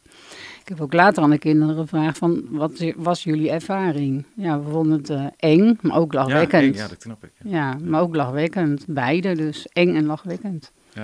Nou ja, vooral dat lachwekkende, dat kan ik me nog voorstellen als je iemand niet kent. Maar als je echt je moeder zo helemaal totaal ziet veranderen, dat is eng. Ja. Ja. Ja. Eh, het is ook een, eh, de bipolaire stoornis, daar denken ze van dat het genetisch is. Hè? Dus dat het er een genetisch component heeft. Dat het ergens bij je familie er iemand is die het ook heeft gehad en daardoor heb jij het nu. Ja. Ehm, hebben jouw kinderen het ook? Nee, mijn zus heeft het gen, want mijn neef, haar zoon, die is 35, die is ook bipolair. Oké. Maar jouw kinderen hebben daar eh, geen last van, gelukkig. Nee, maar wat niet is, kan nog komen. Ja. ja, want het gebeurt ook wat later in je leven vaak, hè? Kan. Ja. Kinderen hebben het tegenwoordig ook al. Dus eh, vroeger zeiden ze altijd, eh, meestal na je dertigste krijg je het. Ja. Dat is onzin, want ook kinderen zijn bipolair. Merk je dat? Nee, dat was toen op tv. Oh ja, ja, ik weet het niet. Een documentaire. Ja, dat men ervan uitgaat dat alleen volwassenen bipolair zijn, maar dat ook kinderen Ja, bipolair dat je het pas zijn. eigenlijk in je tienertijd ontwikkelt, die, eh, dat, Ja, dat verschil. ja, Maar er zijn dus ook kinderen nu al dus Ja. gediagnosticeerd met... Ja. eh, Ja. Lijkt me vrij lastig. Kijk, en van wie ik het gen heb, ik weet het niet. Nou, mijn dochter die heeft zich wel eh, voor laten lichten. Zo van, als ik kinderen neem, eh, stel voor hoeveel procent er dan is dat zij het kunnen krijgen. Ja. Nou, dat is heel weinig. Oh ja, Dus is dat zo? Ja, dus daarom ze ook kinderen genomen. Want anders was ze er niet voor gegaan, zei ze. Eh, ja, mijn zoon heeft wel een paar dingen dat ik denk van... ja, dat zal misschien ook wel een staartje van mijn ziektebeeld zijn. Ik weet het niet. Ik bedoel... eh, ja, en Wilma dan, mijn zus, die heeft het gen. En mijn jongste broer, die is eh, rapid cycling. Die is de ene dag is die zeg maar 85% zichzelf. En de dag erop is die zwaar depressief. En je zus heeft het dus ook? Die blijkt het geen te hebben. Anders had mijn neef het nooit gehad. Nee, nee. En eh, hoe uit het zich bij jouw zus? Een beetje op dezelfde manier als bij jou? Mijn zus mankeert niks. Die heeft het gen bij zich. Maar die heeft het overgedragen aan haar zoon. Oh, dus er is echt een gen wat ze kunnen identificeren als een bipolair gen? Ja, Oh, dat is ook nieuw voor mij. ja want anders had eh, haar zoon het nooit gehad. Ja, maar dat heeft, hebben ze dat onderzocht? Nee, maar dat, zij heeft het gewoon. Dat moet wel, want hoe kan hij het anders krijgen? Ik heb geen flauw idee. Ik ben geen geneticus. Ik zou zeggen, het kan ook misschien een generatie overslaan. Of, eh, Ja, ik bedoel, eh, kijk, ik weet niet van wie ik het heb. Ik weet niet of mijn moeder het gen heeft of dat mijn vader het had. Dat weet ik niet. Ik bedoel, Nee. in beide families. Ja, aan mijn vaders kant komt wel wat voor bij een neef van hem. Want dat kinderen die hebben ook iets geestelijks, wat weet ik niet. Aan mijn moeders kant helemaal niet. Dus mijn moeder zegt nu van ja, je vader heeft het gen. Ja, dan kan je makkelijk zeggen als die man al jaren dood is natuurlijk.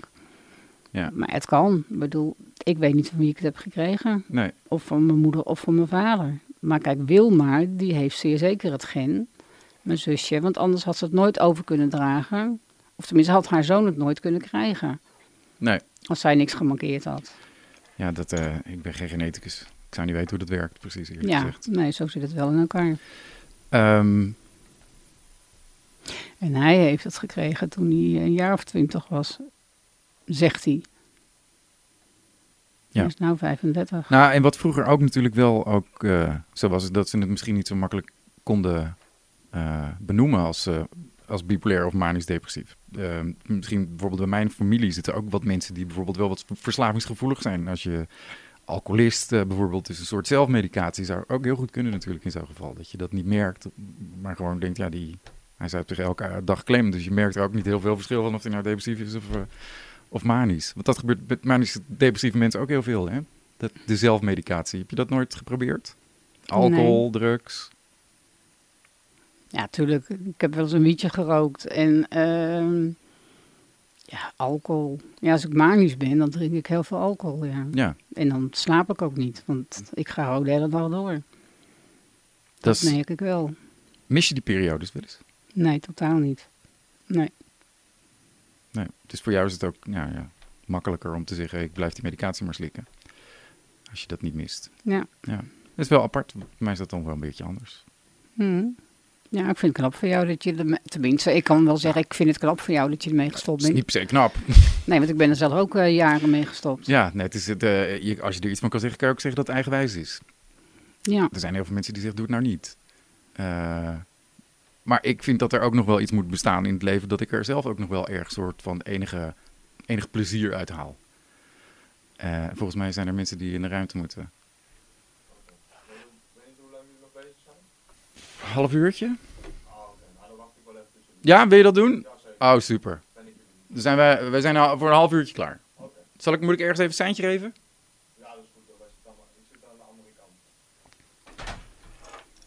Als het, licht, als het licht uitgaat, dan merken we het vanzelf wel. Ehm, voel je je slachtoffer van eh, de bipolaire stoornis? In het begin wel, maar nu niet meer. Waarom nu niet meer? Het hoort bij me. M- maar je hebt het en je voelde je daar eerst wel gewoon slachtoffer door. Zo van, waarom overkomt mij dit? Tuurlijk, in het hele begin wel. Ik schaamde me ook dood. Maar dat heb ik nu niet meer. Nee, hoe komt dat? Want je zit er open, je bent er open over. Je, ook bij Plus Minus, hè, de, de patiëntenvereniging voor mensen met een bipolaire stoornis, daar doe je ook regelmatig wel ja, dingen voor. ja. Hoe, is dat veranderd dan? Want ik kan me voorstellen dat je je er ook voor schaamt. Nee, en het is gewoon gekomen omdat ik jaren geleden eh, eh, vrouwen ontmoet heb die hetzelfde ziektebeeld heb- hebben als ik. En dat zijn er in totaal drie. Kijk, en toeval bestaat niet. Ik bedoel, eh, je komt ze tegen op je pad. En toevallig hebben ze alle drie hetzelfde. Kijk, en ik schaam me daar niet voor. Wij kunnen er ook gewoon normaal over praten. Ja, heb je veel, veel vrienden die een bipolaire stoornis hebben? Ik heb drie vriendinnen die het hebben. En ehm, hoe, Of vier eigenlijk. hoe, hoe is dat? Is dat een eh, gezellig clubje? Of gaat er af en toe eens iets mis? Nee, het, het gaat goed. Ik bedoel, eentje wil nog wel eens vaak depressief zijn dat ik de huilend aan de telefoon krijg. Maar dat is ook alweer een tijd geleden. Vind je dat niet moeilijk? Want je hebt natuurlijk zelf ook je eigen problemen. Ja, nee, ik vind het niet moeilijk. Nee. Nee. Wordt je leven dan niet eh, een beetje beheerst door de bipolaire stoornis? Als je ook heel veel vriendinnen hebt die dat ook hebben Nee, en daarover niet. praten. Nee, we praten er niet over. Nee, want we hebben het gewoon over de dagelijkse dingen. En, en wat we gedaan hebben. Het is En- niet dat die bipolaire stoornis een rol speelt binnen jullie vriendschap. Nee, bij één persoon. Bij één persoon, maar bij de andere niet. Nee, die hebben het er nooit over. Nee. Ehm,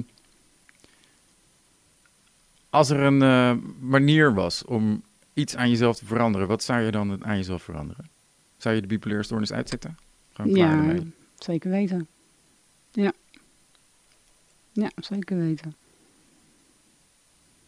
Ja, als ik gewoon terugdenk, zeg maar, de, de keren dat ik het gehad heb, dan denk ik van, jee, Dat zou je elk jaar krijgen, daar word je gek van. Er zijn mensen die het ieder jaar krijgen. Ja. Nou, eh, ik had me al lang opgehangen. Als ik dat ieder jaar zou krijgen.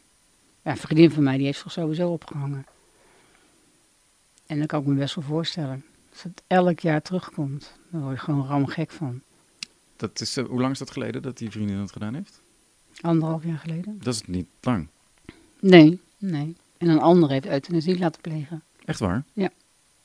Euthanasie als in eh, de levenskwaliteit is zo slecht. Ja, die was alle jaren depressief. Echt waar? Ja, Altijd, non-stop. ja, non-stop. Jezus. Ja. En dat was ook een bipolaire stoornis of was dat een eh, uni- Nee. unipolaire depressie? Ja, Ja. precies. En dus ben je twee vriendinnen kwijtgeraakt eigenlijk aan depressies. Nou, nog eentje. Corrie. Nog één. Die heeft zich voor de trein gegooid. Dat zijn allemaal geen hele vrolijke dingen. Nee, dat zie je zeker niet. Nee. Waren er signalen dat je dacht, shit, als ik dit van tevoren had geweten? Nou, bij die ene vriendin van mij wel, want die belde mij op of ik eh, 's smiddags wilde komen. Dus toen ben ik met, met Kido ben ik daar naartoe gegaan. Is je zoon, hè? Nee, dat is de Oh, vader van sorry. Guillaume, van mijn zoon. Ah ja. Daar ben ik Oh, ja. dus naartoe gegaan. En toen zei ze dat ze zelfmoord ging plegen. Toen zei ik, joh, doe normaal. Ik zeg, hey, je hebt drie kleine kinderen. Ik zei, die kan je niet in de steek laten. Dus nou ja, op de ingepraat, ingepraat, ingepraat. Volgende ochtend gebeld om te vragen hoe het was. Nou ja, toen zat ze in het sanatorium, zei ze. Dat heette toen nog het sanatorium. En, ehm, nou ja, en ik had al tegen de huisarts gezegd van het gaat niet goed met haar Henk. Want ik herken signalen van mezelf, herken ik in haar. Ja. En eh, nou, toen ze dus eenmaal in het eh, sanatorium was, toen in het begin kon je nog op bezoek bij haar. En daarna had ze uitvluchten en daarna kwam ze helemaal niet meer aan de telefoon. Nou ja, en toen kwam ik eh, s smiddags thuis. En toen zag ik nog haar man fietsen met de oudste zoon. Dat ik dacht van, pff, is er een zijn reet geschoten? Want hij deed nooit wat met zijn kinderen. En toen kwam ik thuis en toen eh, zaten er een paar van die vrouwen op zo'n bankje van... Hé hey Claire, heb je toch gehoord? Corrie heeft goed de trein gegooid. Tja. Ja, dus ik ben meteen gaan bellen. Dan kreeg ik een of andere vrouw aan de telefoon. En die zei van, ja, bel me over een uurtje terug, dan is hij er. Nou ja, daadwerkelijk zat zich voor de trein gegooid. Ja, wat doet het met jou dan? Zijn dat triggers voor jou? Nee, heel dom. Dat had ik gedacht. Dat ja, had ik dat verwacht. lijkt me niet gek. ook. Ja, dat had ik echt verwacht. Ik dacht van, eh, ik ga naar de kloten nu. Maar toch niet. En ook omdat wij, mijn zus en ik, mochten niet komen op haar begrafenis. Dat ik tegen mijn zus zei van, hij kan het mochten weer... jullie niet komen op de Weet ik begrafenis? niet. Weet ik niet. Ik zei, ik kan het heen en weer krijgen. Ik zei, we gaan wel. En we zijn ook gegaan. Ja, en ik deed toen ook bij het OM ook nog een stukje zelfmoord. Want ik wilde graag weten wat zij aan had. Want hij zei bijvoorbeeld over een stelletje van... eh, ja, dat staat jou niet. Want eh, je moet niet denken dat je op eh, Claire of op Wilma lijkt. En dat stelletje had ze gelukkig aan. dat deed me aan de, ja, aan de ene kant deed me dat goed, maar aan de andere kant is het natuurlijk erbarmelijk als je weet dat ze zelfmoord heeft Ja, gepleegd. ja. Ik bedoel, in Driebergen heeft ze zich voor, zo voor de trein gegooid. Er stonden ook kinderen bij het werk over. Oh, Die ja. lopen ook een trauma op. Jeetje mina. Je hebt ook wel eens op dat punt gestaan. Ja, maar ik was denk ik toch niet te ver heen. Ik denk 90% maar nog geen 100. Want ik ging wel, ik heb een hekel aan regen. En ik ging eh, op mijn fiets door de regen naar het station in Bunnik. En ehm, toen ben ik daar op een bankje gaan zitten. En ik bedoel, zingend op een fiets in de regen. Nou, ik moet er nou niet aan denken. En iedere keer als er een sneltrein aankwam, stond ik op. Maar aan de overkant stonden er ook steeds twee personen op. Ja, die hadden niks kunnen doen, die zaten aan de overkant. Maar ik zag wel die opa staan met zijn kleinzoon, dat ik dacht van, ja, weet je, dat kan je niet maken ergens. Ik denk, wat ik wel kan doen, is gewoon verderop Dat ze het niet zien. en dan op het spoor gaan lopen. En als er dan een trein aankomt, is het eh klambams en eh, de weder geweest. Nee, maar zover was ik nog niet heen. Ik ben toen toch maar weer naar huis gefietst. Ja, dat zijn eh, heftige dingen. Ben je, ben je eh, religieus? Of, Totaal niet. Nee, totaal maar je niet. gelooft wel in een soort hemel dan? Maar Er niet- is iets. Er is iets. Vertel, daarom zeg vertel mij eens wat er is. Ik zou dat ook wel willen weten. Nou ja, er is gewoon iets meer tussen hemel en aarde. Dat blijf ik zeggen. Kijk, het is hetzelfde dat ik ook in ufo's geloof. Ik, bedoel, ik heb een heel boek gelezen erover. Ik bedoel, ze hebben dingen gevonden die, die wij zeg maar nu ehm 40 jaar geleden zijn gaan gebruiken. En die hebben ze gevonden en die waren al honderden jaren oud. Dus kijk wat, daar, voor, wat voor dingen? Dat vind ik interessant. Eh, bijvoorbeeld uh, rioleringspijper, maar dan niet van, uh, niet van hard plastic, ik noem maar een zijweg, maar van beton. Mhm. En nog meerdere dingen. Ja, het is heel lang geleden dat ik dat boek gelezen heb van mijn broer. Dus dat weet ik niet meer. Maar kijk, dat er gewoon meer is. kijk, ik heb het en van een goede vriend gehoord dat hij ook zei, dus dat hij zeg maar door een een gang of een pad heen ging met een licht en bloemen. En dat er boven hem iemand stond op te wachten. Hij zegt ja, het was een man, maar vraag me niet hoe of wat. Dus God, God is geen vrouw? Nee, oh. ik, dat was ik vroeger. En uh, ja, ik heb dit ook, uh, ik heb dit ook vaker gelezen. Ik bedoel, van een uh, ballerina die uh, zoveel graads verbrand was. En die ineens op een groot grasveld stond met een, een waterput. Dus ze keken die waterput en keek haar oma, die keek er ook in. Die zei niet omkijken. En toen zei haar oma, dat ze heel verhaal mee. En dan zou ze met, nou ja, Boris Hupplepup gaan trouwen. En toen, met dat ze tegen haar oma heel boos wilde zeggen... nou, als ik met één iemand niet trouw, dan is hij het wel... Toen was die oma was verdwenen. En op dat moment zat zij ook weer in haar lichaam. En ze is ook inderdaad met die man getrouwd. Kijk, en zo heb ik legio van die verhalen gehoord. En het komt allemaal op hetzelfde neer. Dat ik denk van, dan moet, dat, dan moet dat gewoon een kern van waarheid zijn. En kan je dan niet bedenken dat het misschien, ik zeg niet dat het zo is, hè? Nee, Hmm. helemaal niet. Maar kan je dan niet bedenken van, als ik mijn psychotische verhalen daarnaast leg. En over witte dakpannen en een foto, oma die lacht op een foto. Vind je dat niet daar ook een beetje een soort van een gelijkenis in zit? In dat soort verhalen? Van, eh, dat ze een beetje psychotisch lijken? Nee, dat wel niet. Het zijn wel dingen die je zou kunnen denken als je psychotisch bent. Ja. Van, oh, er is een pad naar de hemel en er schijnt een licht en er staat iemand om bij te wachten. Dat Mm. zijn ook dingen die je in een psychose meemaakt. Nou, ik niet. Nee, ik bedoel, mijn eerste psychose was ik God. Mijn tweede psychose was ik eh, de heilige maagd moeder Maria. en de rest van de psychoses gek, maar niet meer God of, eh, of Maria. Want dat hoor je heel veel mensen als ze Ja, in een psychose ja. zitten, dat ze denken dat ze God zijn. Ja. Nou, had ik bij mijn eerste psychose, met mijn tweede psychose, eh, heilige maagd moeder Maria, met mijn derde psychose en zo, dat, dat had ik niet. Wel vreemde dingen natuurlijk, maar niet dat ik... eh, Hoe voelt dat om God te zijn? nee, je bent het niet. Maar je voelt je God. Ja, je voelt je God, ja. Ja, je, Hoe voelt dat? Weet ik veel. Ben je de schepper van de aarde je eh, ben, nee. je, ben je God zoals wij God kennen, zeg maar de standaard God? Of wat, wat voor God was jij? Nee, want ik ging de wereld eh, beter maken. Ik ging de wereld verbeteren. Ik ging het beter doen dan dat de wereld nu is. Want kijk, ik zeg continu, dit is de hel en boven is de hemel. En dat blijf ik zeggen. Als dat de echte wereld hier... Als de echte wereld blijft Dit ik is zeggen, de hel. dit is de hel en boven is de hemel. Maar dat gaan we pas meemaken of ze daadwerkelijk dood zijn. Of dat inderdaad zo is. Ja. Ik bedoel, dat weten we niet. Stel je voor dat dit de hemel is. Nou, ik dacht het dus niet. Dat zou het zijn. Ja, nou, ik dacht het dus niet. Daarvoor gebeurt het te veel. Kan je, kan je, is, is dat een reden om het zo... Is dat je zo natuurlijk aankomen wij om het op die manier te zien? Of heb je daar bewust voor gezegd van nee, mijn leven is zo rot, dit moet wel de hel zijn? Ja, ik blijf het gewoon zeggen dat dit de hel is. Maar En, waar en je... niet, niet omdat ik altijd een, een rot Nee, leven maar heb dan? gehad. Helemaal niet. Ik bedoel, ik heb ook een heel leuk leven gehad. Ja, ik, ik weet het niet. Ik, ik blijf het gewoon zeggen. Ik bedoel, al die dingen die je maar ziet op journaal en wat er allemaal gebeurt, dan denk ik van, jongens, we leven niet. We leven niet in. Nee, we leven gewoon in een hel. Dat is gewoon zo. Ik bedoel, al die kutdingen die je meemaakt. Hè. Ik bedoel, je werkt 30 jaar bij het OM. Om een of andere kutreden krijg je ontslag. Of tenminste, ik heb eervol ontslag van genomen. Maar Moest je weg? eh, ja, ik kon kiezen. 80.000 gul. eh, ja, 80.000 gulden of euro, weet ik niet meer. Of eervol ontslag. En ik dacht, ik neem eervol ontslag. Want eh, gaat er een deur dicht en dan gaat een raam voor me open. En dat raam ging ook wel open. Maar ik mocht eh, van de UWV niet werken.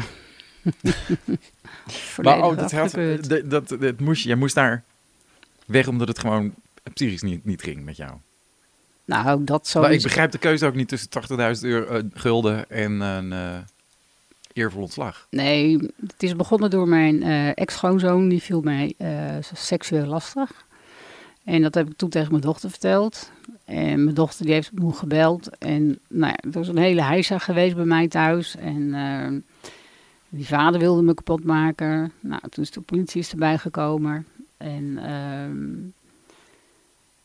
toen moest ik alles eh, van de politie op papier schrijven wat er gebeurd was bij mij thuis. En hij idem dito. Nou, wat hij geschreven had, daar lust er nog in brood van. Hij had ook mijn bipolariteit had hij erop geschreven. Dus van internet afgehaald, alles erop geschreven, weet je wel. En nou ja, dus zij dachten van, hé, hey, nou... En de politie had het nooit mogen opsturen, dat van hem. Maar nu dachten ze van, nou, nu kunnen we Claire ontslaan. Maar de hoofdofficier, die, die zei al van, ja, ik heb er best wel moeite mee om Claire te ontslaan. Want ergens wil ik dat niet. Nou ja, in ieder geval, het is een hele heisa geweest. En als ze het voor de kartonrechter hadden gedaan, dan hadden ze me gewoon, hadden ze me nooit eh, weg kunnen laten gaan. Hadden ze me gewoon moeten houden. Kijk, en ik weet achteraf ook dat zij fout zaten. Kijk, en dan kunnen we het wel hebben over mijn bipolariteit. Oké, ik ben vaak bipolair geweest, het is ook zo.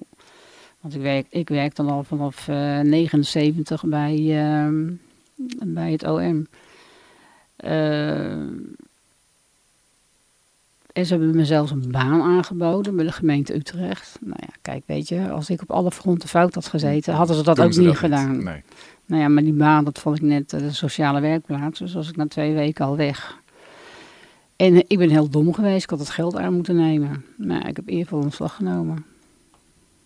Ja, nou ja, keuzes. Kun je spijt van krijgen natuurlijk. Ja, Ja. ja. Wat gebeurd is, is gebeurd. Zo is dat. Ehm, wat vond jij ehm, in dit leven het belangrijkste? Dat mijn kinderen het goed hebben. Hebben ze het goed? Ja. Wat vind je het lastigst om te leven met een uh, bipolaire stoornis? Behalve dan de depressies?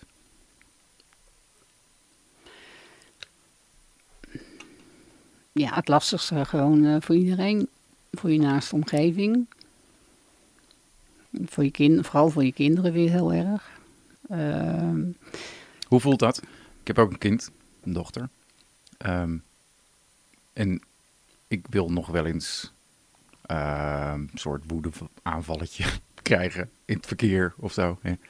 Ik merk dat meteen aan mijn dochter. Dan ontloopt ze me een beetje. Denkt ze, nou laat papa maar even een beetje met rust. Dat doet mij pijn. Vind ik heel vervelend. ja, dan denk ik, ja, dat is niet de bedoeling. Eh, hoe merk jij dat aan je kinderen? Ja, kijk, de auto is al heel lang uit huis. Maar die zegt tegen mij van als jij mij belt, dan houdt ze gewoon de telefoon zo. Ze zegt van je kan een uur over een potlood lullen. Ze zegt, dan zeg ik af en toe maar ja. ja. en eh, ja, Heb je, dat, heb je dat geaccepteerd van jezelf? Of vind je dat nog steeds vervelend als ze dat tegen je zegt? Nee hoor, maakt me niks uit. Nee? Nee. Nee, weet je, het ergste wat ik vind is dat ik me gewoon niet echt eh, begrepen voel. Door, door je kinderen niet? Of door... Gewoon door de hele familie niet. Nee. Ik voel me gewoon niet echt begrepen. Kijk, er, er zijn gesprekken geweest met de psychiater. En dan zei de psychiater bijvoorbeeld van, eh, eh, je moet het zus en zo doen. En dan zei mijn moeder, oh nee, want ik doe het juist zo en zo. En dan zei de psychiater weer van, nee, u bent verkeerd bezig. Zo, zo moet u juist niet met Claire omgaan. Ja. Dus alles wat, wat zij zeiden, hè, dat, dan zei hij van, nee, contra. Ik bedoel, Noem eens een voorbeeld. dat is, dat is nog steeds zo. Eh, mijn moeder zei een tijdje geleden tegen mij, eh, omdat ik gewoon wat drukker ben. Maar ja, wat drukker, wat maakt het uit, whatever. Ah, Sjaki zou wel aan te trekken komen, hè? Ik zei, waar heb jij het over? Ja, je bent maar niets. Dan denk ik, koekoek, gaan we weer. Je bent maar niets. Ik denk, ik ben wel drukker dan anders. Ja. Ik denk, en dan word- krijg je meteen die stempel op je voorhoofd, je bent maar niets. Ik denk, mens, weet jij nou werkelijk niet meer wat maar niets inhoudt bij mij? Ja, Dus zoiets. ja. ja dat, eh, dat herken ik heel erg. Ja, dat, dat vind ik gewoon heel erg, dat het dan gezegd wordt tegen je. En dan denk ik van, en dan moet je rustig blijven. En dan moet je zeggen van, eh, nou, ik weet niet waar je het over hebt hoor, maar eh, volgens mij spoor je niet. Ja. Ja, het is heel makkelijk om als je eenmaal dat stempel hebt en uh, manisch bent geweest en mensen je hebben manisch gezien en ze weten dat je depressief kan worden, dan als er maar een klein beetje iets hint in die, een van die twee richtingen, dan krijg je dat meteen voor je kiezen. Ja, En het lullige is ook, vind ik, dat als ik nog zo mijn best doe om in een bijvoorbeeld depressieve staat, om een beetje toch gezellig mee te doen met dingen en me er niet echt door te laten kennen, een beetje proberen erover dat contra-gedrag wat je zegt, hè, toch dingen te gaan doen. Als je dan alsnog te horen krijgt dat je depressief doet of hè, doe eens een beetje gezellig, terwijl je echt je uiterste best doet om er iets van te maken. Dat, dat zijn de dingen die, die mij altijd wel pijn doen. Dat ik denk, Ja. ja. je, snapt het, je snapt niet wat er gebeurt in mij. Nee, snappen ze ook niet. Nee. Is natuurlijk ook heel lastig. Jawel. Er zijn ook therapieën voor. Hè? Dus dat, een soort van, niet echt therapieën, maar meer bijeenkomsten waarbij familieleden hè, erbij betrokken worden. Ik denk dat iedereen die eh, leeft met iemand met een bipolaire stoornis dat, dat zou moeten doen. Ja, want ik heb het met mijn ex-man gedaan toen bij het, eh, ja, het heet nu het UMC, maar het heet toen nog het AZU. Dus met heel veel echtparen. Ja. Mm, En dan eh, werd het helemaal eh, uitgelegd, weet je wel, van A tot Z. En, ja, en dan konden zeg maar de, de, de, de echtgenoten, die konden dan, zeg maar, de gezonde mensen, die konden dan met elkaar praten. Ja, en delen hoe erg het was. En wij konden Ja. delen alles met elkaar van hoe ervaar jij het en hoe heb jij het en hoe krijg jij het. En Ja, maar dat zijn wel belangrijke dingen. ja, zeker Mijn vriendin weten. heeft daar hoop aan gehad, denk ik. Zeker weten. En wij ook wel, in de zin dat ze er eh, een beetje op kan reageren soms. Dat ze, dat ze het een beetje kan aanvoelen of weet... oh, het is misschien goed om nu een beetje contra-gedrag in te zetten. Ja. Dus ga even mee een stukje lopen. Dat is Ja. goed. En dan denk ik, ah ja, ja. Ja, Dus dat kan je ook helpen, de ja omgeving. perfect. Ja. En dat is bij jou eh, dus wat, wat minder? Of zou je gewoon willen dat, dat ze het nog beter begrepen? Nou ja, weet je, het is, het is ook zo moeilijk als je nog een zoon van 27 in huis hebt. Als ik dan ook iets doe, dan zegt hij van, oh, ben je weer manisch?